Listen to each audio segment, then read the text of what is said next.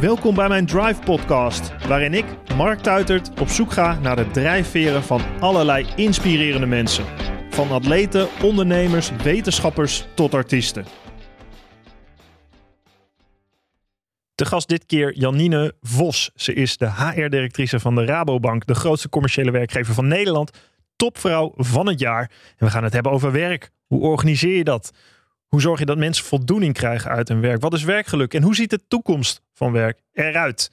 Luister naar en leer van Janine Vos.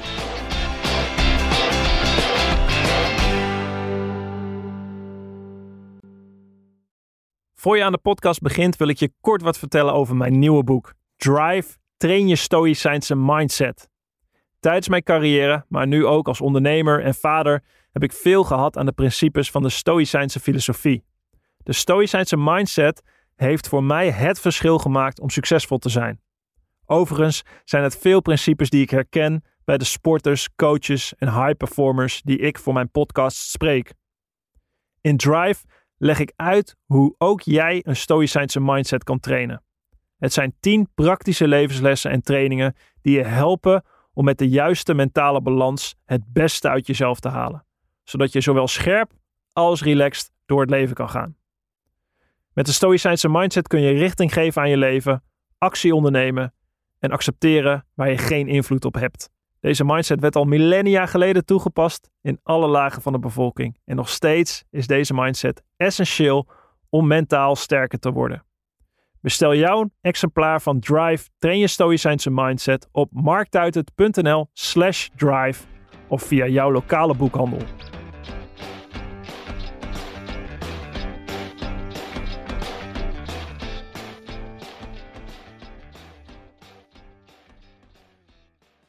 Janine Vos, uh, welkom hier aan mijn tafel. Ja. Hoe is het met je? Goed, ik vind het leuk. Ik vind het leuk om jou weer te zien. Ja, ik vind het leuk om, om jou ook zeker te zien. Ja. Uh, we, we, zijn elkaar tegengekomen ja, de afgelopen jaren op verschillende manieren. Um, jij als uh, eindverantwoordelijke HR, uh, onder andere bij de, bij de Rabobank, topvrouw van het jaar ben je geworden afgelopen jaar. gefeliciteerd ja. daar, daarvoor. Ja, um, dankjewel. Wat, we gaan het hebben over werk. We gaan het hebben over uh, wat jouw rol daarin is en hoe jij werk überhaupt ziet in deze nou, vreemde tijden. Ja. Um, ten eerste werk. Het werk wat jij doet heeft alles met mensen natuurlijk te maken. Ja. Kun je mij mee terugnemen naar... Jij komt uit Reizen. Hè? Ja. Daar hebben we ook al een band. In principe dezelfde gemeente als Holte. Ja, het is dezelfde gemeente. Ja, dat Twee was... totaal verschillende dorpen. Maar ja. hoe, waarvan, van, van waar, als je terugkijkt naar jezelf en jeugd... Uh, is het logisch of wat zijn de dingen die je hebt meegemaakt waar, waarop je achteraf denkt van hé, hey, het is logisch dat ik hier in terecht ben gekomen? Ik denk um, toch wel mijn ouders. In begin denk ik alles heel vaak bij je ouders. Ik denk dat iedereen het hele leven soort van vanaf wil komen, maar het komt altijd weer als thema terug. En ik denk mijn ouders um, zijn heel erg no-nonsense en focussen heel erg op het wij en de maatschappij. Wat deden ze qua werk? Mijn vader, dat is wel interessant. Mijn vader heeft 40 jaar bij een bank gewerkt. Oh. Bij de ING-bank. Uh, dat is trouwens een hele leuke anekdote, maar die zal ik, dat is misschien nooit te lang voor. Maar hij was heel blij dat ik naar de Rabobank ging. Niet omdat hij niet blij was bij de ING, maar mijn opa had een doe-het-zelfzaak. Um, en daar. Nou, in ieder geval, mijn vader wilde die zaak eigenlijk overnemen, maar die ging naar zijn jongere broer. En toen is mijn vader uh, bij een bank gaan werken. En toen wilde mijn vader overstappen naar de Rabobank. Alleen toen, in die tijd, was het nog zo dat mijn, dat bedrijf van mijn opa ging niet zo heel goed. En toen zei die bankdirecteur: Als dat gebeurt, dan geef ik jou geen krediet. Als jouw zoon overstapt naar de Rabobank, dan stop ik bij met je krediet. En zo ging dat vroeger, hoe die gemeenschappen opgebouwd waren. Hm. Uh, dus mijn vader werkte altijd bij een bank. En mijn moeder heeft eigenlijk altijd voor ons gezorgd. Uh, en heeft voor kinderjuf geleerd. Kom je uit een groot gezin? Ik heb één broer, die is vijf jaar ouder. Ja. ja. Dus ik was het kleine zusje, het irritante kleine zusje. Uh, mijn broer was altijd vijf jaar ouder, deed alle dingen eerst en daarna kwam ik. Um, mijn ouders hebben ons heel erg opgevoed dat het heel erg gaat over de anderen, niet over jezelf. Um, mijn ouders geloven ook, en heel erg sterk vanuit het maatschappelijke, vinden zij ook dat je er niet moet zijn voor jezelf, maar voor anderen. Ja. En ik ben heel erg zo opgevoed met Wees je altijd bewust wat jouw impact op anderen is. Denk aan een ander.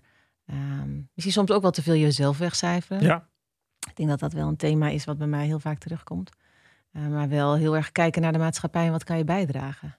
En hoe heeft, dacht je, hier ga ik iets mee doen? Of is dit gewoon iets onbewust wat eigenlijk waarop je nu terugkijkt dat je denkt, hé, hey, ja, dit paste toen al bij mij? Of nee, wat, ik denk wat dat het onbewust dromen? is. Mijn droom was de eerste vrouwelijke minister-president van Nederland worden. Dat was oh, toen maar. al uh, een, een, droom. Nu niet meer. Hè? Dus dat is ook wel even heel duidelijk. Nu echt niet Ja. meer. Maar toen wel. Omdat ik uh, dat maatschappelijk vond ik toen al gaaf debatteren. Uh, hele politieke discussies houden, ook op school. Dat vond ik, dat was, dat vond ik heel dit gaaf. is, dit is los van maatschappij. Dit is toch ook gewoon een, gewoon een persoonlijke ambitie? Er zit toch ergens een stukje Ja, ego, ik dacht, ego ook in, of ja, niet? dat is wel heel interessant. Ik heb wel heel lang onderzocht, is dat nou ego? Natuurlijk, alles is ook ego, hè? dus Mhm. dat, dan ga ik zeker niet zeggen dat het niet zo is. Maar dat invloed. Ik, zou, ik, ik dacht echt, als je daar zit, dan kan je echt dingen veranderen. Dan heb je echt impact op zoveel uh, stromen. Uh, dan, dan kan je echt iets aan onderwijs. Of je, je kan echt systematisch wat veranderen. Dat was hoe ik toen nog dacht.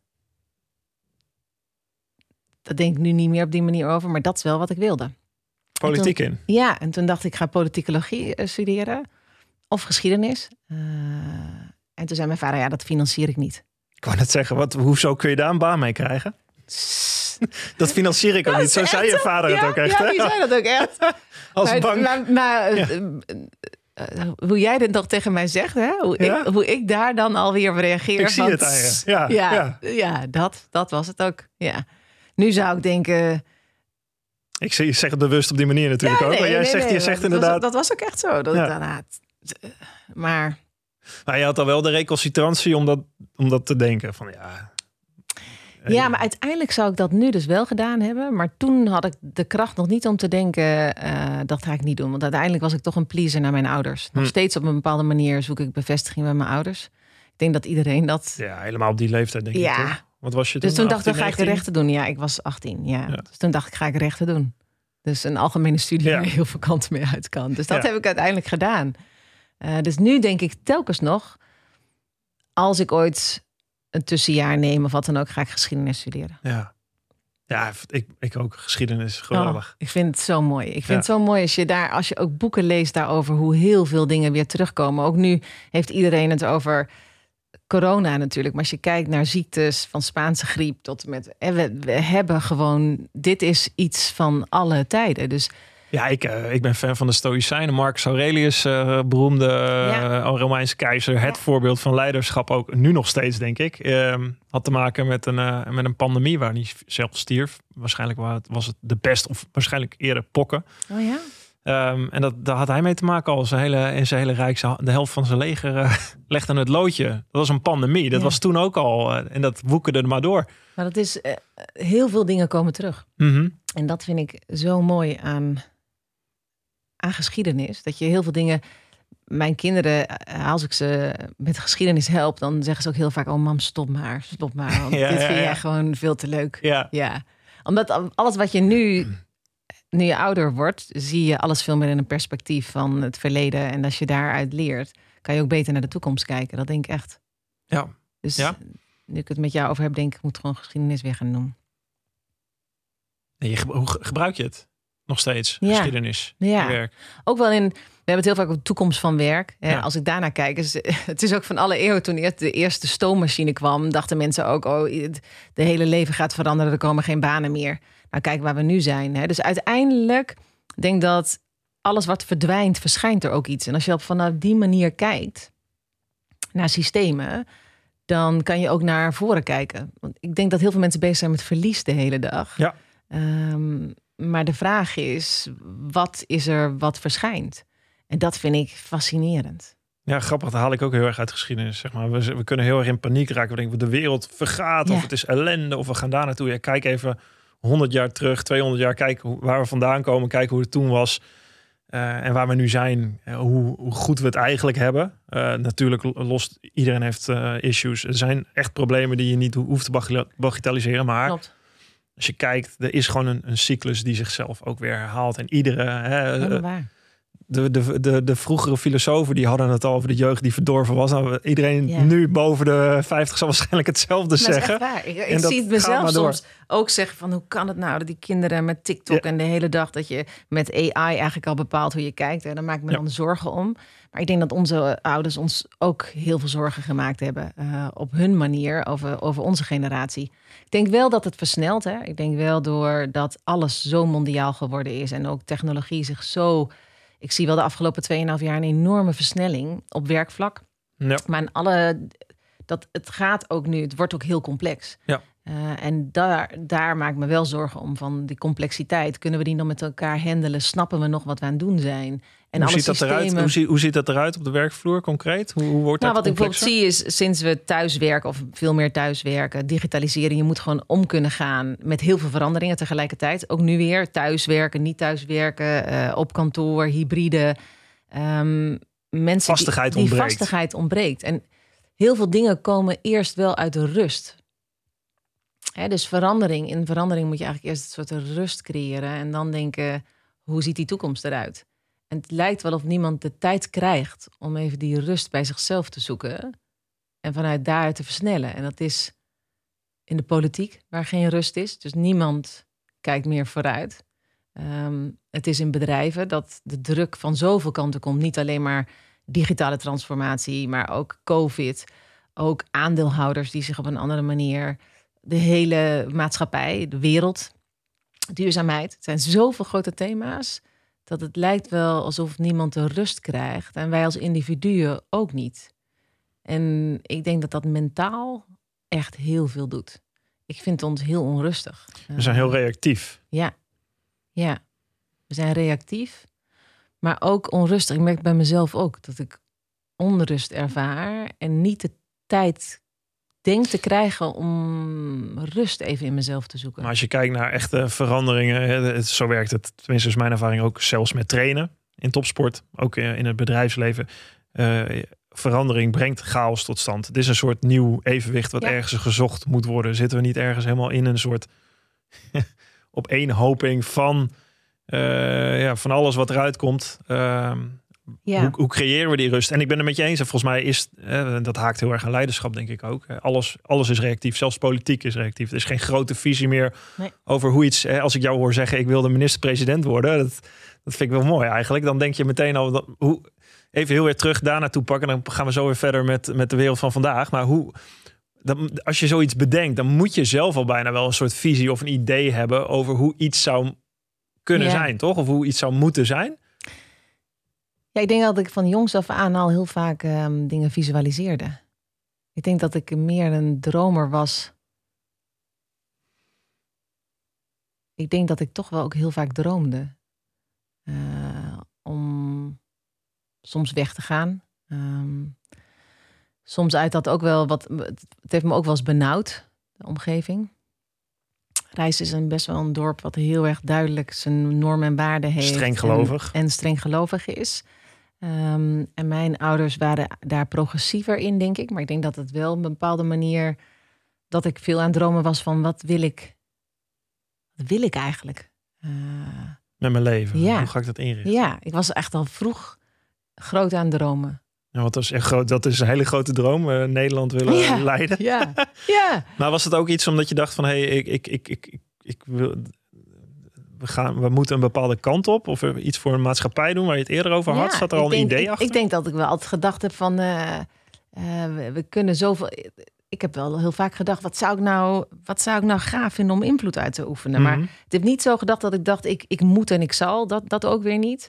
Maar ik heb wel altijd het gevoel dat er een grotere bestemming is eh, ehm, dan leren en blijven in mijn eigen omgeving. Ja. En Ja. toen ging je toch de HR-kant uiteindelijk op. Van rechten naar... Ja, nou eerst ben ik wel bedrijfsjurist geweest. Gewoon een traineeship en allemaal verschillende dingen gedaan. Marketing, sales. En uiteindelijk had ik een hele grote reorganisatie. Ik weet nog dat ik, dat ik, dat ik winkels moest sluiten. En ik moest daar een ochtend zien nog mijzelf in mijn Peugeotje 206... naar die locatie toe gaan en vertellen ehm, dat we gingen sluiten. En ik weet dat moment nog dat ik binnenkwam... en eigenlijk mijn hele script wegdeed en gewoon ging voelen in die ruimte. En dacht, ik heb een heel script met sheets en die moet ik één voor één doorgaan. En al die mensen kijken me nu aan en denken: heb ik morgen nog werk of niet? En dat moment bij mezelf, dat soort moment van leiderschap, dat je denkt van uh, nu komt het erop aan wat ik zeg, wat ik doe, hoe ik, hoe ik, hoe ik hier sta, was het moment dat ik dacht: jeetje, in dit hele proces heeft niemand mij ooit gevraagd hoe ga je daar staan als leider, maar eigenlijk mezelf voorbereid op inhoudelijkheid. En daar gaat het helemaal niet om. Het gaat om dat je daar binnenkomt, de ruimte voelt en echt toelaat dat die emotie er is. En tegelijk dat zij jou vertrouwen dat je eerlijk een boodschap brengt. En daarna daar wat mee doet. Wat zei je tegen die mensen? We gaan sluiten. Als eerste? Ja. Ja, we gaan sluiten. En dat je dan, dat ze zien dat je het moeilijk vindt, maar dat je het gewoon eerlijk zegt. En ik denk ook dat je daarna even rust laat vallen en even het laat zijn wat het is. Ja. Uh, en toen dacht ik, uiteindelijk was die reorganisatie een succes. Omdat ik als leider daar ging staan en niet de boel ging managen. Ja, je flipte niet iets op een bord van, uh, nou, dit zijn uh, kijkers. Nee, dit jullie is, cijfers zijn slechter. en als je dit vergelijkt bij dit en dat en, en logistieke, nou ja, of jullie hebben te veel. Nee. Nee. En dat was het moment dat ik dacht, fascinerend hoe leiderschap werkt in een organisatie. En fascinerend als je de juiste persoon ergens neerzet. Niet dat ik wil zeggen dat ik daar de juiste persoon was, maar het is meer dat als ik daar invloed op zou kunnen hebben, welke mensen leiden wat, ja, dat, toen ben ik eigenlijk de liefde voor dat vak. Uh, dus ik zou niet, ik heb niet gedacht ik wil naar HR. Ik wil gewoon naar waar je invloed hebt, op welke leiders waar, hoe ontwikkel je mensen, hoe ga je met mensen om, bedrijfscultuur. Ja. Hoe kun je je invloed ja, op mensen laten... Op invloed. Ja, hoe kun je mensen beïnvloeden? Ja, ja. En uiteindelijk um, ben jij ja, van, eigenlijk de, bij de Rabobank terechtgekomen. De grootste commerciële werkgever van Nederland, ja. volgens mij. Ja. Uh, ben je, ja, waar, waar, ben je precies verantwoordelijk voor? Als hij, ben je verantwoordelijk bijvoorbeeld voor, voor het werkgeluk van je werknemers? Bedacht ik me. Ja, ja, ik voel me daar heel verantwoordelijk ja. voor. Maar je bent het misschien niet echt. Nou, weet je wat, wat interessant is? Wij hebben um, uh, raad van bestuur. Uh, daar zitten we met z'n achten in. En uiteindelijk is de CEO eindverantwoordelijk Ja. voor werkgeluk. Ehm, maar mijn rol is dat wel mogelijk te maken. Samen met hem en met mijn zeven collega's. Zo zie ik het wel. Dus ik zie me uiteindelijk wel verantwoordelijk voor werkgeluk. Mhm. Ja. Omdat ik een heel bepalende factor heb. Want ik ben verantwoordelijk voor ehm, hoeveel, hoeveel mensen en welke mensen we aannemen. Dus überhaupt de profielen. Wie heb je nodig? Wie neem je aan? Ook voor de promoties van mensen. Welke mensen laat je doorstromen? Mensen, welke mensen benoem je als leiders? Maar ook van welke mensen neem je afscheid? En in de tussentijd, wie ontwikkel je? Hoe doe je dat? Ehm, hoe doe je je branding? Hoe doe je je werkgeversmerk? Maar ook je P. Ehm, eigenlijk de hele opzet daarvan is super interessant. En als het gaat over 35 landen in dit geval en 43.000 mensen, dan zie je daar ook weer heel veel stromen in. En daar een analyse van maken en denken: hoe moeten we dat nou beter doen, effectiever doen, maar ook gelukkiger doen? Ja, daar word ik heel gelukkig van. En hoe doe je dat als het- ik kan me voorstellen dat het best wel heel met zo'n grote organisatie dat, dat er heel veel afstand is tussen, tussen jou in, helemaal bovenin en, en de mensen daadwerkelijk op de vloer. Ja. Hoe laat je die invloed daar gelden? Wie, hoe zorg je dat die mensen daar iemand Ja. voor zich hebben die. Ja, ik denk dat corona daarbij geholpen heeft in dit geval. Eh, corona heeft natuurlijk heel veel dingen niet eh, moeilijker gemaakt. Maar wat ik heel fijn vond, is dan dat je digitaal allemaal thuis zit. Eén, je hebt allemaal hetzelfde ellende. Het voor het eerst heb ik ervaren in mijn werkende leven dat je allemaal hetzelfde thema hebt wereldwijd. Dat vond ik fascinerend. Hiervoor had je als Nederland wel wat in de politiek bijvoorbeeld. En dat was dat een heel belangrijk thema in Nederland. Mhm. Maar mijn collega's in al die 35 landen waren er helemaal niet op aangesloten. Of wat in Amerika gebeurde met Black Lives Matters. Was ook weer een thema wat wel de rest van de wereld aanging. Maar deze pandemie was in één keer. Iedereen had hetzelfde. Dat, was, dat vond ik fascinerend. Een soort van verbondenheid die je voelde. Mhm. En dat ik op één dag al die 35 landen tegelijkertijd kon bereiken. En in een scherm kun je natuurlijk heel makkelijk. Je hebt eigenlijk de hele wereld in één keer in een scherm. Ja. Dat heeft heel erg de hiërarchie naar beneden gehaald. Daar ben ik echt heel blij mee. Je ziet iedereen in zijn huisomgeving. Ik heb geen jasje aan of een eh, net pak aan. Ik zit daar ook gewoon in mijn thuisomgeving. En dat zorgt dat je met z'n allen in die crisis zat. één doel had je heel makkelijk groot kon bijschakelen. Dat heeft al heel veel hiërarchie weg, weggenomen eigenlijk. Mhm. Ook maak ik heel veel tijd voor eh, toch wel, eh, nou ja, dat, dat, dat noem ik dan inclusion talks. Maar mensen die gewoon dingen bij me neer kunnen leggen en gewoon zeggen: Ik wil graag ehm, eh, middag met jou. En dan heb ik een middag en dan laat ik gewoon iedereen inbellen die maar wil over de wereld en die kan vragen stellen. Wat ik ook veranderd heb, is dat wij elke week een vlog opnemen. Wie bedoelt de ene week en ik de andere week. Vertellen hoe gaat het in het bedrijf? Wat zijn de dingen die gaande zijn? Hoe voel ik me? Wat is mijn ongemak? Ehm, Wat zeg je dan? Wat nou, was jouw ongemak? Als ik een slechte week heb gehad, Wat zeg je dan? nou, dan zeg ik, ik heb een slechte week gehad. Ik voel me eenzaam of ik voel me deze week niet goed. Dat zeg ik gewoon. En dat krijg je ook terug van mensen. Dat, eh, of als ik, dat is wel grappig, dat doe ik nu dan bijna twee jaar. Ik zie het ook als ik een dag denk, nou, ik moet toch een beetje de energie hoog houden en ik ben zogenaamd heel energiek. Krijg ik dat nu ook in de comments terug. Van, eh, is, het, eh, is, dit echt zo? Ik wou zeggen, speel je energiek? Toen dacht ik, oh, soms hebben ze gelijk. Dus dat vind ik wel heel leuk. Dat ik dus de indruk heb dat ik veel meer contact met mensen heb. Ook al ben ik digitaler. Ja, ik wou net zeggen, want ik, eh, ik, ik hoor wat je zegt. Je, je hebt helemaal wereldwijd natuurlijk. Je krijgt allemaal mensen bij elkaar die je anders waarschijnlijk veel moeilijker bij elkaar zou krijgen. Dan zou je Ja. erheen moeten vliegen of, of dan, Ja. dan, is het, dan is het anders. Maar aan de andere kant, hè, als je de onderzoeken ook kijkt en alle, alle nieuwsberichten die doorkomen, hebben mensen het mentaal ontzettend zwaar. Ja. Met die veranderingen waar we het over al hadden. Hè. Er, was, er is al genoeg chaos in de wereld ook. Ja. Er verandert al veel. Digitalisering, energietransitie, et cetera. En nu komt er nog een keer een coronacrisis bij. Dat mensen het ook heel moeilijk vinden om, eh, om zich te uiten. Psychisch lijden ergens onder. En dat is, eh, dat is misschien een nadeel eh, aan de, aan Ja, de coronakant. Ik neem aan dat ook. jullie dat meten ook Ja. binnen, binnen de Rabo. Ja. En wat, wat, wat krijg je daarop terug? Wat is daar de uitdaging in? We zagen daar, dat was wel interessant. We hebben, noemen de coronascan. Dat we elke eh, twee weken meten van hoe is het met jou. Hè? Dus I'm doing well. En ook wel op productiviteit van merk je dat het ook weerslag heeft op je, op je werk. Ehm, interessant vond ik dat het iedereen focust op jongeren. En dat ben ik ook helemaal eens. Hè. Die hebben het echt heel zwaar. Maar je zag dat het bij ons bijna leeftijdsonafhankelijk was. Dus dat in bepaalde fases, ehm, bijvoorbeeld als het eerder donker werd of een week had geregend of ehm, de lockdown was nog zwaarder, heeft de meeste invloed op je mentale gezondheid. En dat is bijna bij iedereen zo. Bij ons was het bijna leeftijdsloos. Dat vond ik zo opvallend. Ja. Dus bijna een soort eh, generale Ja. of generieke eh, eh, depressie. En nu Ja. zie je wel na corona, zie ik wel dat ehm, jongeren minder snel, zoals nu zitten we dus weer in een soort, nou ja, is het een volledige lockdown? Nou, het is eigenlijk een driekwart lockdown. Nu zie je dat de, eh, de mental agility van de jongeren afneemt. Hm. Hè? Waar ze in het begin nog heel veel veerkracht hadden, zie Ja. je nu dat ze gewoon zeggen, de max is wel bereikt. Potjes Eh, leeg. en dat zie ik dus nu wel bij jongeren. Ja, dat, eh, dat potje sneller leeg is. Waarbij... Die hebben ook nog nooit echt zulke dingen misschien meegemaakt in hun leven. Nee, en de invloed Niemand is heeft groter. dit meegemaakt, maar iedereen heeft wel een keer iets. Klopt. En ik denk dat heel veel mensen die eh, al een gezin hebben of eh, hebben denken van, nou ja, oké, dat de kroegen dicht zijn Ja. of de restaurants misschien minder erg dan dat je. Ik, ik heb ergens om op terug te vallen. En heel veel jongeren hebben zoiets van, ja, maar mijn sociale netwerk, dat is iets waarop ik terugval. En als ik die niet kan zien of Mhm. mijn thuissituatie is niet goed, eh, dat krijgen we wel steeds meer. En wat, wat doe je daar? En kun, je, kun jij daar überhaupt iets aan doen? Want ik neem aan dat als die werknemers daarmee komen, dat, Hmm. die gaan naar hun leidinggevende, die gaan weer naar. Ja, maar daar kan je heel veel aan doen. Ehm, wat wij nu gezegd hebben bij de vorige volledige lockdown. We gaan helemaal dicht. Hè. We hadden onze panden ook echt dicht. Deze keer heb ik gezegd, we laten de panden open. Voor de mensen die denken dat het noodzakelijk is. En het is aan jou om dat te vinden.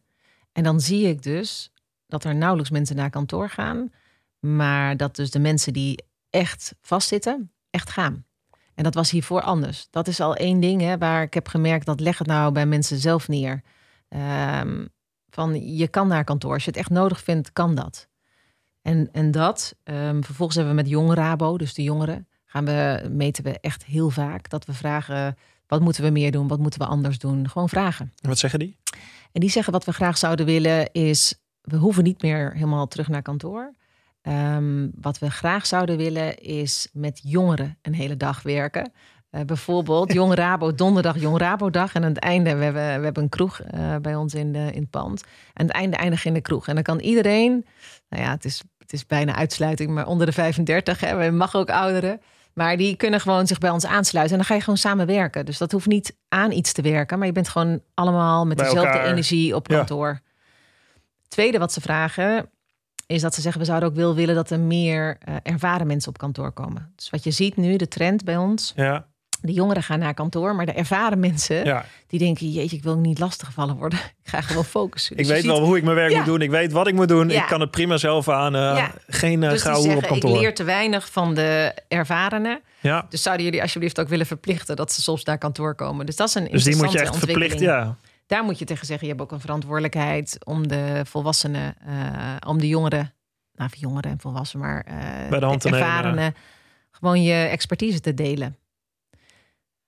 Dus dat zijn best wel, het is best wel heel interessant. En ik denk in deze, waar ik een beetje wat dilemma wat ik voel, zijn de mhm. ene kant uh, moet ik heel veel dingen mogelijk gaan maken, want er zijn ook technologie. Hè, dus mijn zoon zegt bijvoorbeeld, mam, je setup thuis is niet oké. Okay, ja. Dus die zoiets van gaming. De gare webcam. Je denkt van, jeetje mam, je moet echt...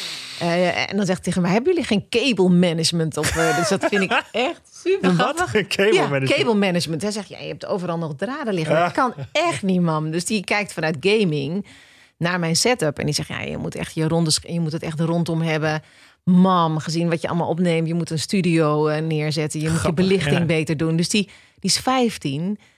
En die van mij is uh, acht en ik ben met hem er ook mee bezig. Ik heb gewoon, ik heb ook allemaal van die uh, isolatie, uh, geluidsisolatie dingen tegen de muur. Ik heb een aparte logeerkamer ingericht, schermen erin. Ik heb ook een podcastopstelling ergens. Dus ik, ik ben best wel nu tevreden. Dus wel grappig. En mijn zoontje gaat dan achter die microfoon zitten en dan gaat hij net doen alsof hij en zo'n knol is. Of dan gaat hij in één keer zo, ja. zitten. Vinden ze helemaal, dat is gewoon Precies. Dat ziet hij ze allemaal doen. Hij ziet de YouTubers ook gewoon voor zo'n micro. Hey, papa heeft ook een hele setup. Ja, en als ik zie hoe hij gamet, joh, dat vind ik echt zo tof. Als ik, als ik zie het is gewoon vet als je die nieuwe generatie aan het werk ziet. En dan denk ik dus ook, dat is dus wat ik ook moet doen. Ik moet ook zorgen dat dat thuis bij mensen beter is. Dat ook de setup op kantoor beter is. Maar ook de setup anders is, gezelliger is. Hè? Dus je moet een andere omgeving creëren.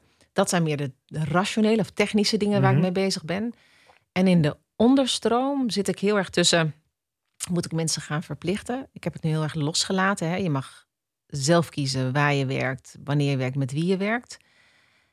Maar er is ook een deel van mensen die dat ongemak gewoon heel moeilijk vindt. En ik voel steeds meer vanuit mijn eigen zijn.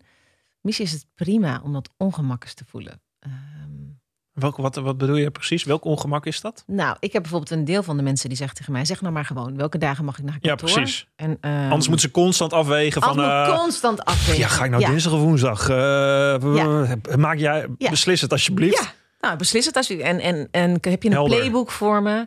Uh, dat ik precies weet wat ik moet gaan doen. Ja. Uh, kan je ook even uh, zeggen van hoe faciliteer ik zo'n moment met mijn team om het erover te hebben? En uh, by the way, deze personen willen nooit naar kantoor komen. Hoe doe ik dat? Of deze personen vinden het niet veilig naar kantoor, want de andere in het team is niet gevaccineerd. Hè? Ja. Dus die vragen overal als een soort script van help ons. Hè? Dus dat vind ik aan de ene kant heel goed.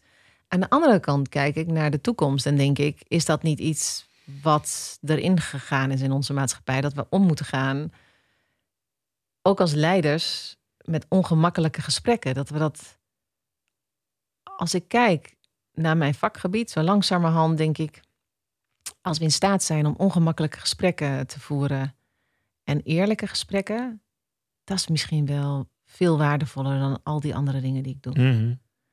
Dus in al die ruis, ja. we hebben alles, we hebben van alles goed geregeld en nog steeds is het niet genoeg. Ja. Dan vraag ik mij af, is dat niet de ruis en is het niet dat we terug moeten gaan naar de kern?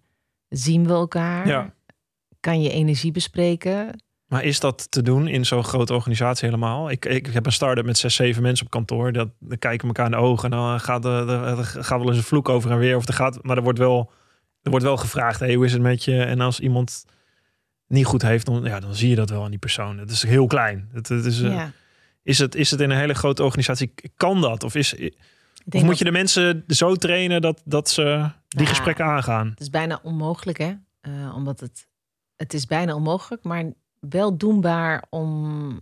Nou, ik heb dan voldoende dat ik denk, nou, dan vind, dat vind ik dus een uitdaging. Van, Hoe krijg ik het nou voor elkaar? Dat we gewoon goede gesprekken met elkaar blijven voeren. En niet dus weer met die sheets. Ja. Dit is wat je eigenlijk moet doen. En je gaat het gewoon eigenlijk niet zien als jouw taak. Maar je gaat het managen. Hoe ga je dit leiden? In plaats van managen. Ja, ja, dat vind ik, dat, dat soort conversaties vind ik het allerleukst. En wat zeg je dan tegen jouw teamleden? Nou, hoe kunnen we dit toch anders doen? Dat mensen, dat het meer naar de kern toe gaat. In plaats van, als iemand je dus zo'n vraag stelt, ga je dan zeggen, ja, ik ga wat voor je maken? Of ga je vragen, waarom vind je het zo ongemakkelijk om Ja. het goede gesprek met je team te voeren? Ja. En dat, als ik dat vanuit de rust doe, doe ik dat heel goed. Als ik dat doe vanuit, er is nog zoveel te doen, Ja. dan doe ik dat zelf ook niet goed. Je kan er niet even in een e-mailtje tussen neus en lippen door. eh, waarom doe je dit niet? Nee. Waarom doe je dat niet? Nee. En weer terug te komen op die geschiedenis. Ik had een heel mooi boek gelezen door, van, een, van een generaal die de Vietnamoorlog had geanalyseerd. Hè. Wie heeft dat Welk, nou? welk, welk boek is het? Ja, die zal ik, ehm, ik zal hem je sturen. Ehm, en dat ging Ja, ik heb nu, ik hoor generaal Vietnamoorlog en Ja, eh, daar en heb je mijn, heb je, heb Ja, je mijn en eh, leuk. allemaal. Maar wat hij... Wat hij Heb je wat- die documentaire op Netflix trouwens ook gezien over de Vietnamoorlog? Nee. Oh, die moet je zien. Oh ja? Ja, fantastisch. Geweldig. Beste documentaire. Ken Burns. Eh Vietnamoorlog. Eh, gaat over, wordt belicht van Noord-Vietnam, eh, Zuid-Vietnam. Ja. Beide, beide legers, beide leiders van Amerika. Johnson hoor je op de, alle afwegingen die ze maken in die oorlog. Fascinerend. Geweldig. Nou, dan ga ik dus kijken. Ja. En ik was dat dus aan het... Uiteindelijk, dat boek wat ik, wat ik overhield, is dat hij zei... Je had drie soorten soldaten. Je had Ja. een soldaat die dacht, met kerst ben ik thuis. Ja. Dus in het begin hadden ze nooit gedacht dat het zo lang zou duren. Met kerst ben ik thuis. Die gingen allemaal dood. Je had een groep die dacht, dit ga ik nooit overleven. Die zagen de zo'n ernst van de situatie. En die dachten, we gaan dood. Die gingen dus ook dood. En je had een groep die dacht, ik ga het overleven. En om dat te gaan doen, ga ik elke dag mijn dingen doen. Ik ga zorgen dat ik mezelf opdruk. Ik ga goed eten, wat er in ieder geval te eten is. Ik ga goed drinken. Ik ga proberen maximaal te slapen. En die met een soort van mindset van, ik ga dit halen. Maar daar niet een cap op zetten van, ik ga met kerst naar huis of ik ga het over twee jaar. Die gewoon elke dag weer een klein beetje gingen doen om Mhm. daar te komen. Is het toevallig van James Stockdale? Dat zou kunnen. Ja, dat is eh, een, eh, een gevechtspiloot die als een van de eerste werd neergeschoten. En in, eh, in de eh, Hil- Hilton Hanoi, in Ja. de gevangenis van de Noord-Vietnamese eh, gevangenen werd gezet. En die zag inderdaad al zijn andere PW's, Prisoners of War in Amerika, eh, de gevangenis inkomen. En inderdaad, de mensen die hoop hadden, die dachten van met kerst ben ik weer vrij. Ja. Gingen eraan. Ging er Ja. allemaal aan. Hij hield zich vast aan Epictetus. En Epictetus is een van de beroemde Stoïcijnse filosofen... waar ik die fantastische eh, werken geschreven... Hij heeft het niet zelf geschreven. Een leerling van hem heeft het geschreven. Er zit heel veel wijsheid in. In hoe om te gaan met eh, de dingen die we niet kunnen controleren... maar dat je eigenlijk alleen je eigen houding... Is echt zo. je eigen mindset, je eigen wilskracht... eh, daar een keuze over hebt. In the end. In the end. En als je dat uit deze tijd plot, dan gaat het dus niet helpen om te denken dat corona voorbij is in Ja. drie maanden. Dan ga je ten onder. Ja. Ehm, dan ga je het ook niet helpen te denken, oh, deze ellende komt nooit een einde aan. Het enige wat je elke dag kan doen is jouw eigen energie hoog houden. De realiteit van de ondergaan van, van die dag. Van die dag. Ja. En denken van hoe kan ik goed eten, goed slapen, me omringen met dingen die me energie geven. Ja. En zo bijna gedisciplineerd komen naar dat einddoel. Dat fascineert mij. En daar word ik ook heel blij. Als ik dat heb, dan kan ik weer een paar weken daar helemaal in zitten. Ja, Dat heerlijk. Ja, ik echt- voel hem. Heel erg grappig. Ja. Ik denk als je weer teruggaat naar wat je mij vroeg, hoe komt, dat heb ik uit mijn jeugd echt geleerd. Een soort discipline op hoe ga ik komen tot mijn doel. Ja. Ehm, en dat ik besef dat het training is. Ik heb heel veel gezwommen. Ik, ik was nooit heel goed, maar ik, ik trainde iets van zes keer per week. En dat discipline heeft mij zo, helpt mij nu nog steeds elke dag. Ja. Denken dat trainen hoort erbij. En denken dat ik er ben of dat Ja. eh, de topvrouw van het jaar heeft mij misschien nog wel onzekerder gemaakt dan, eh, ehm, dan blijer of zo. Ik weet niet wat het is. Ja, ik dat denk begrijp ik, dat denk ik. Succes. Ja. ehm, Mensen kijken dan anders naar je? Is dat het? ja, maar ook wel dat ik dacht, wat is, wat is mijn doel eigenlijk Ja. hierna? Ik- Wat nu? Wat nu? Niet dat dat nou mijn hoogste doel was. Mhm. Maar ik dacht, eh, jeetje, ik moet wat doen hiermee. Ik voelde me een soort, eh, nog steeds. Wat ga ik doen met die prijs? Hoe kan ik, hoe kan ik Schept zorgen dat het, verplichtingen. ja, dat het niet over mij gaat, maar over die ander. Hè? Ja. Want ik geloof heel erg dat er heel veel mensen zijn eh, die die prijs verdienen en hem niet krijgen. Hè? Die tweedeling maakt, maakt me echt, vind ik echt heel erg moeilijk. Ja. Wat kan ik daarna nog meer aan doen? Er is nooit iemand die in een eentje op een podium Nooit. staat en dat succes kan claimen. Dat Nooit. zal geen sporter doen, geen coach. Nooit, maar dat is ook echt niet. Nee, no way. Nee. Ehm, en het maakt me nou, het maakt me bijna nog dat ik denk, en, en wat dan next? Wat ga ik hiermee doen? Eh, is er niet iets groters dan wat ik nu al aan het doen ben? Waar ga ik dat dan doen? Ik vind mezelf eigenlijk meer twijfelend geworden de afgelopen maanden dan, dan dat ik heb gedacht, oh, nu is mijn pad helemaal helder. Nee. Ja, jij zegt eh, leiderschap houdt in dat je meer dan 80% van de tijd met jezelf praat. Is dat het? Ja. Dat met jezelf praten, hierop reflecteren, je maakt iets mee waarvan je denkt, oké, Nou, leiderschap. eh, Wat ik wat zo grappig vind, is dat, is dat toen ik me ging be- beseffen dat ik eigenlijk de hele dag tegen mezelf praat. Hè, want ook in een meeting praat je altijd nog. Ja. Wat zeg ik nou? Wat is mijn volgende? Je bent dus eigenlijk altijd bezig. En ook als je fietst of als je sport, het is altijd in je hoofd. Dus je bent, je bent zelf je ergste vijand of je ergste criticaster. En wanneer ik dat door had, kreeg ik ook door dat ik in mijn brein kan zeggen: maar dit is niet zo. Dus ja, je Die- kan heel erg onderzoeken of het reële gedachten Ja. zijn of niet. ja.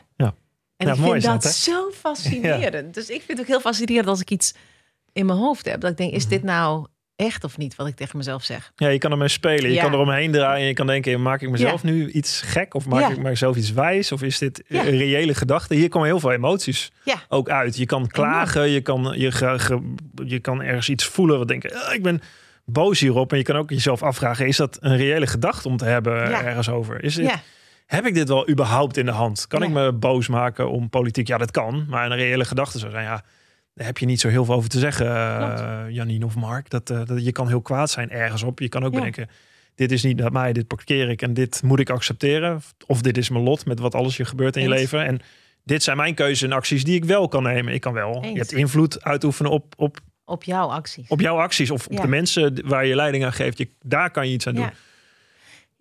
En ik denk dat dat is wat, wat mij fascineert.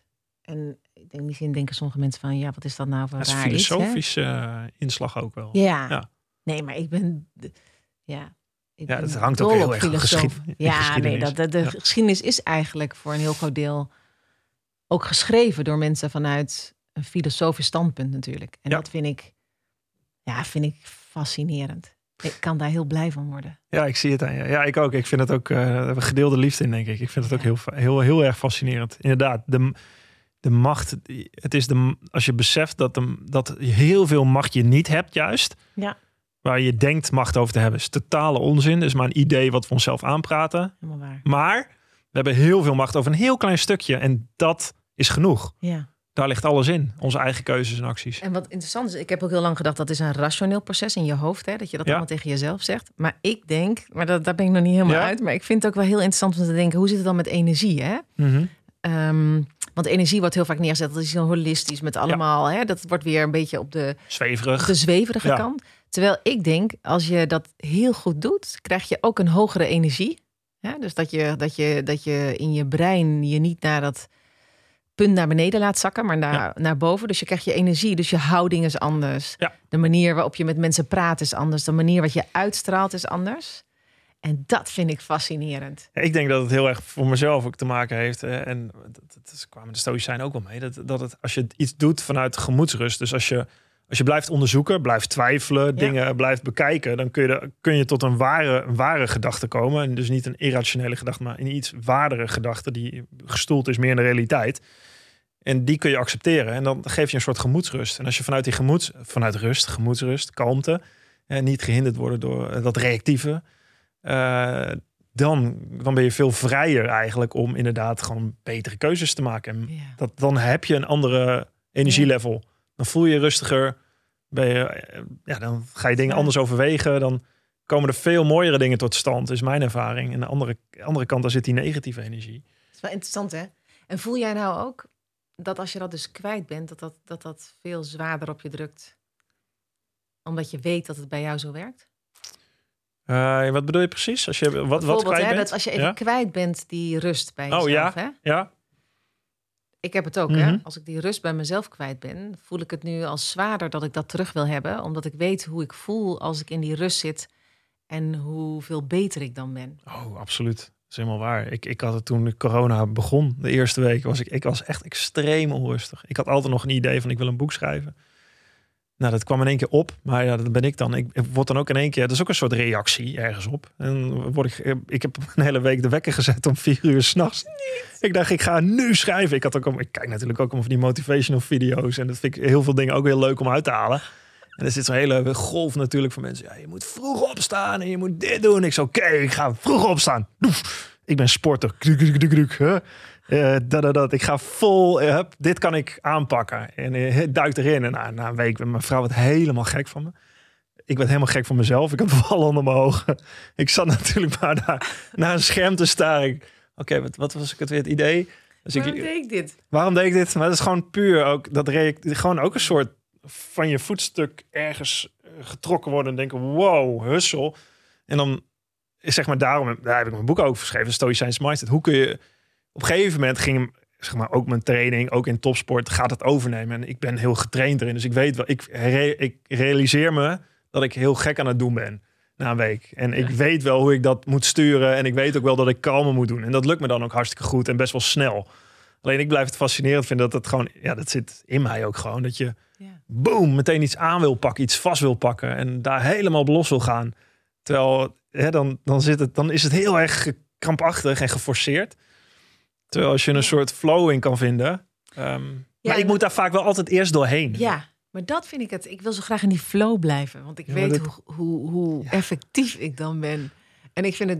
Ik, ik, nou, daar ben ik dan mee bezig. Hoe ik Ja. nog sneller. Dat kan ik dan dus wel in mijn hoofd mee bezig. Hoe kan ik nog sneller weer in die flow Ja. komen als ik eruit ben? Ja. En hoe kan ik die ruis weghalen? Hoe kan ik mijn agenda beter. eh, van kleine dingen van mijn agenda beter neerzetten. Tot eh, eh, rustiger over dingen naken, Ja. denken. Of beter slapen. eh, anders eten. Daar ben ik wel heel veel mee bezig. Ja, heel Ja. goed. Ik vind Ja. het fascinerend. Vind Ja, maar daar kun je heel veel uithalen, denk ik. Ik doe dat. Ik, ik heb daar met topsport heb ik heel veel aan gehad. Nou, jij je hebt ook fanatiek gesport. Dus ik denk wel, ik probeer dat heel erg te doen ook. Echt tijd te nemen voor reflectie. Echt. Ik vind het heerlijk als ik ook gewoon door de week of zo een ochtend vrij heb en gewoon uit het raam kan staren en kan denken: oké, wat laat alles even binnenkomen wat ik heb Ja. meegemaakt en wat ik heb gedaan. En ik kan Ja. ook natuurlijk, ik kan tot s'avonds laat een presentatie verzorgen. Ik kan de volgende dag bij tv zitten.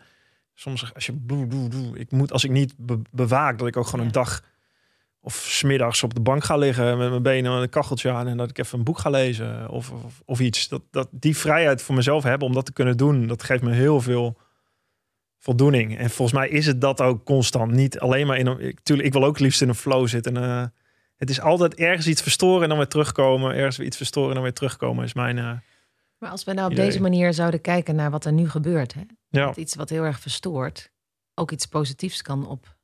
En we zijn absoluut. nu We stonden met z'n allen iedere dag in de file. Ik, ik, ik kan daar niet. Ja, misschien ben ik te autonoom. Dat ik ga mijn leven zo organiseren dat ik zo min mogelijk in de file sta. Als iemand zegt, jij moet om negen uur daar zijn, dan zeg ik, nou ja, dacht het niet. ik moet niks. gaan we anders doen. Ik moet niks. Ik wil ergens komen en ik wil een afspraak, maar dat doe ik dan daar en daar.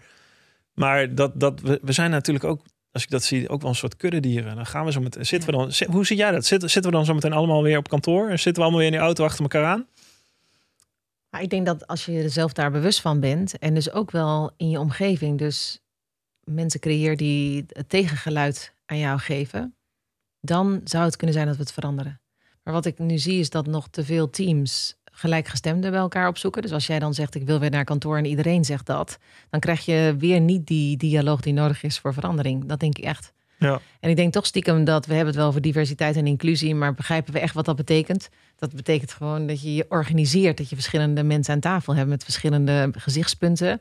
Dan kom je gaandeweg, dat is weer dat hele verhaal van, dan ga je gaandeweg naar die toekomst toe. En ehm, ik, ik, ik snap Jij wil sneller. ja, ja ik, ik, ik, ik- vind dat juist goed dat we dat organiseren. Dat je zegt, er zijn goede dingen voor corona, goede dingen in corona, slechte dingen voor corona, slechte dingen in corona. Als we nou het betere uit allebei pakken en niet vastpinnen van met kerst zijn we thuis. Want dit is niet met kerst zijn we thuis. Nee, Nee, nee. dit is, Dit is gewoon, elke dag trainen, elke dag jezelf trainen op is dit effectief? Wanneer, hoe kan dit beter? En als je weer in die file staat, toch wel nadenken over dat kan anders. En daar het gesprek over aangaan. En niet met iemand die al op jou lijkt.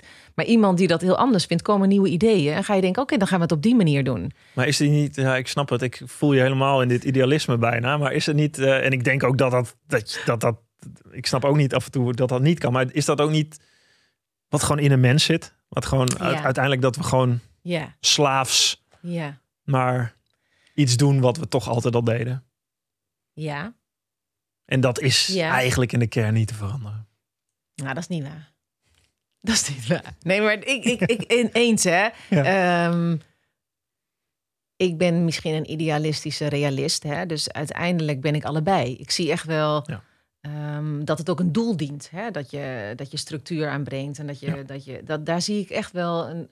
Maar ik zou niet me neer willen leggen dat dit is wat voorbestemd is om op deze manier te werken. Nee. Nee. Nee, Nee. dat is uh, godzijdank Nee. dat je dit antwoord Nee. geeft ook. Had ik niet anders verwacht. Nee, maar dat, dat zou echt te erg Ja. zijn, want dan geven Ja. we elkaar op. Ja. Ik heb dat wel eens in deze maatschappij, dat we soms elkaar opgegeven zijn. Als je, als je je houdt een keer een 30 dagen niet klagen bijvoorbeeld, hè? Ja. dat is zo moeilijk. Doe eens maar een dag niet klagen.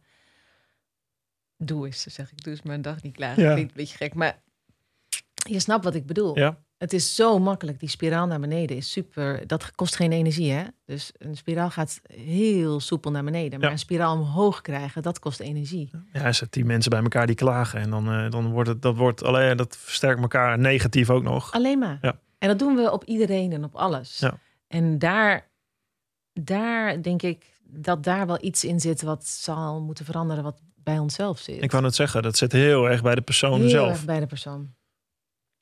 En het is ook voor heel veel mensen heel moeilijk. Eh, dat, dat, dat, dat zeg ik daar niet mee. Mhm. Wat ik ermee zeggen wil, is dat dat is niet de weg voorwaarts. Wat is de weg voorwaarts erin? Ja, is toch wel dat gesprek in je eigen hoofd eh, bij iedereen. Eh, van zijn die gedachten die binnenkomen, wat zijn andere gedachten die je ervoor in de plaats kan maken? Echt die mindset trainen, echt, Ja. echt dat stukje zelf. Is dat iets wat niet iedereen kan dat zelf? Nee. Of denk je dat anders? Niet iedereen kan dat zelf, al vind ik ook wel dat we mensen onderschatten. Ja.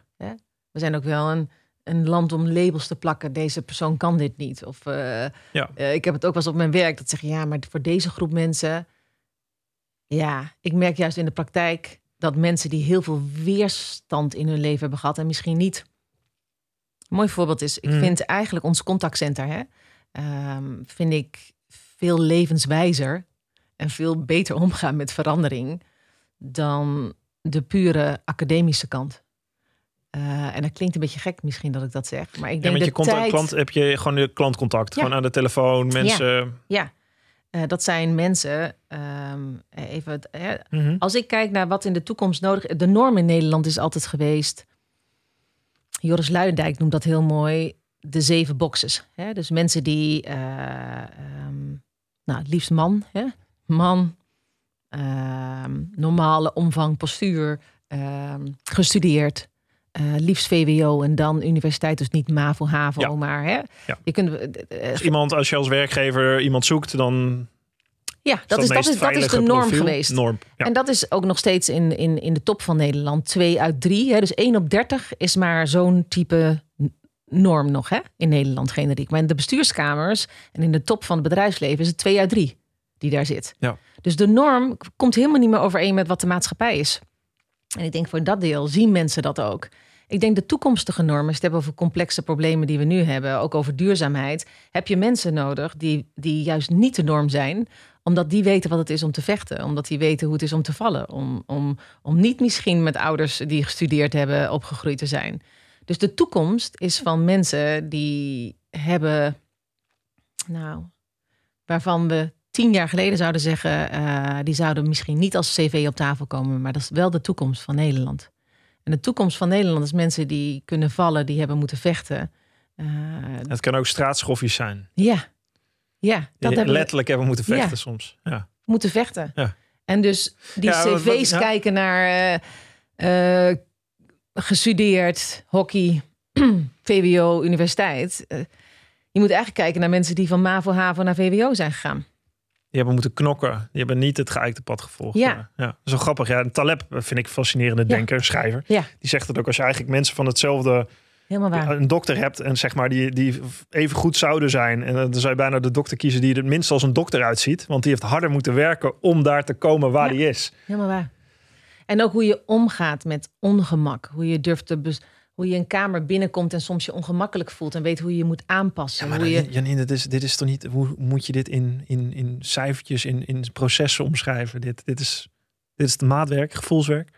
Het is gevoelswerk, maar het is ook wel hoe wij, ook ik ook met mijn vakgebied, hoe ik, hoe ik dat helemaal moet doorbreken. Dat vroeger was het al standaard.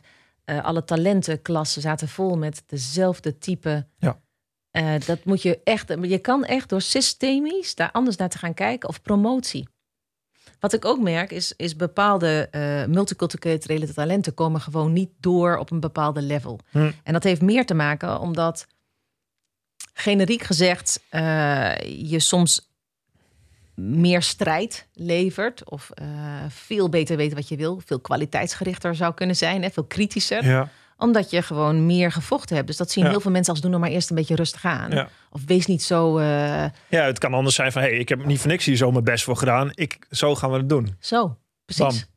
En Ik eigenlijk laat me niet aan de kant zou zetten. je multiculturele talenten twee niveaus omhoog moeten halen. En dan zullen ze misschien veel effectiever zijn. Dus Ja. als je die context Ja. eh, verandert, zul je veel meer talent naar boven krijgen. En ik denk dat als je het hebt over problemen van nu, denk ik dat we die context echt moeten zetten. Dat er veel meer mensen komen die met weerstand om hebben gegaan. Ja, want jij, gaat, jij gaat ook van functies naar rollen. Ja.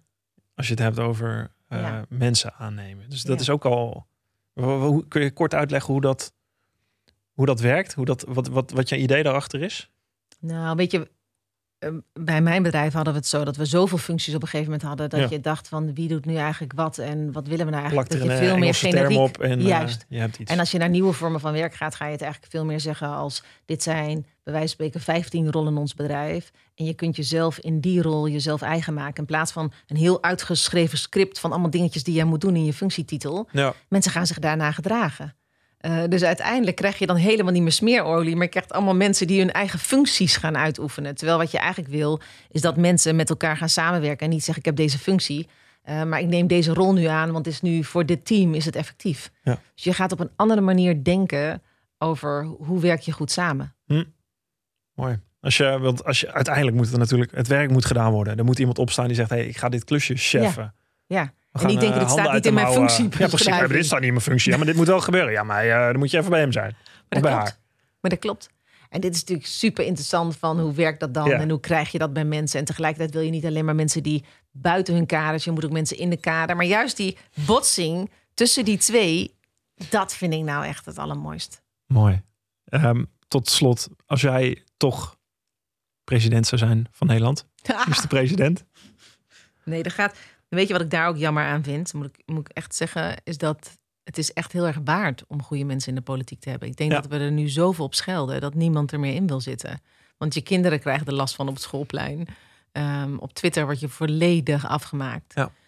De vraag is, ik, ik denk aan de ene kant blijven mensen maar roepen als ze denken dat ze niet gehoord worden. Dus blijkbaar is er echt iets in Den Haag waardoor mensen denken ik moet dit blijven zeggen over de politiek, want het is niet, het komt niet aan. Hè? Dus daar zit Ja. een kans.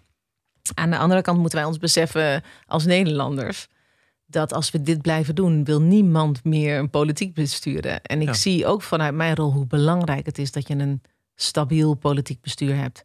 En dan heb ik het over regelgeving, maar dan heb ik het ook over goed onderwijs, goede gezondheidszorg. Je hebt mensen nodig die beleidsmatig naar je land kijken en ook soms 30, 40 jaar vooruit. Ik kan het zeggen, dat wou ik een visie kunnen ontwikkelen. Dat, een dat visie gebeurt toch? over, Ja. over woning, Ja, woningen is zo nodig. Herverkaveling in Nederland. Zorgen dat boeren die toch weg moeten, dat je gaat kijken, kun je dat niet grondbestemming van maken.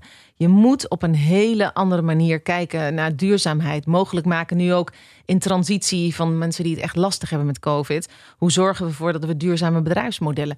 Dat, dat, hoe gaan we dat doen? We, we Ja. zijn alleen maar brandjes aan het blussen, heb ik het we zijn idee. brandjes aan het blussen, maar we zorgen ook door de manier waarop wij naar de politiek, hoe we erover praten, dat Ja. niemand er meer in wil zitten. Eh, waar in andere landen het normaler is om te wisselen tussen politiek en bestuur. Maar we praten over iedereen. We zijn boos en dat Ja. is terecht. Hè? Dus uiteindelijk luisteren we als bedrijven niet goed genoeg. Ook niet als politiek genoeg. Dat mensen maar blijven. Je blijft, denk ik, shit ergens overheen storten. Ja, als je denkt dat je niet gehoord wordt. Daar zit echt wel een kant. Aan de andere kant denk ik, als we niet stoppen met over iedereen maar klagen en naar beneden halen, wil niemand meer dat soort functies doen. Hebben ze jou nog niet gevraagd om mee te schrijven aan een soort beleidsplan, Nou, nou, stuk? nou ik, het is wel eens gevraagd, zou je de politiek in willen? Mhm. Ehm, en ik dacht, oh wauw Janine, dat heb je altijd gewild. Maar dat punt wat ik net zei, Ja. over ik ben ook wel iemand die resultaat wil halen. Die eh, uiteindelijk, Het lijkt me heel frustrerend, inderdaad. Dat kan ik me voorstellen als je uiteindelijk ja. En, en een deel ook wel, ik wil het ook heel graag goed doen. eh, en het juiste doen. Maar je wil ook invloed, maximaal. Ja, maar wel dat ik vooruit kom. En nu zou ik daar zitten en denk ik moet de hele dag bezig zijn ehm, met wat nu mensen van mij vinden. En Ja. dan kun je niet goed besturen. Als je de hele dag bezig bent in jouw hoofd. Nou, ik heb wel het idee dat dat zo nu is. Inderdaad. is ook zo. Dat iedereen bezig is. Ik moet dit zo zeggen, want dan vindt die dat van mij. Totdat er een leider op staat die zegt: Het interesseert me helemaal geen bied wat jullie er allemaal van vinden. Ik Ja. vind dat dit het juiste is Ja. om te doen. Ja.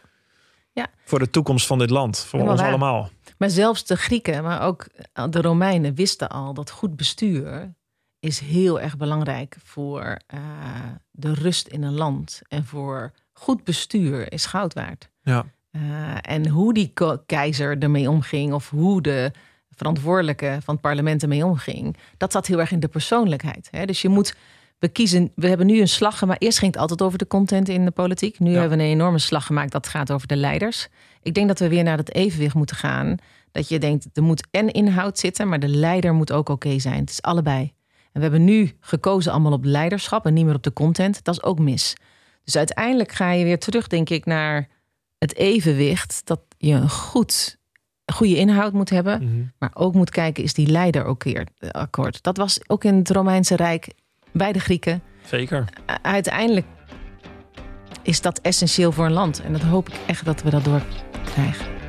Dankjewel. Janine Vos, bedankt. was heel leuk. Ja, jij dan. Dank voor het luisteren naar mijn Drive podcast. Je vindt mijn aflevering op Spotify, iTunes, YouTube en mijn website marktuitert.nl. Laat me weten wat je van mijn podcast vindt en deel dat via Instagram, Twitter, LinkedIn of Facebook. Heb je suggesties voor gasten? Stuur me dan een DM via die kanalen. Tot de volgende Drive podcast. Goed, Mark.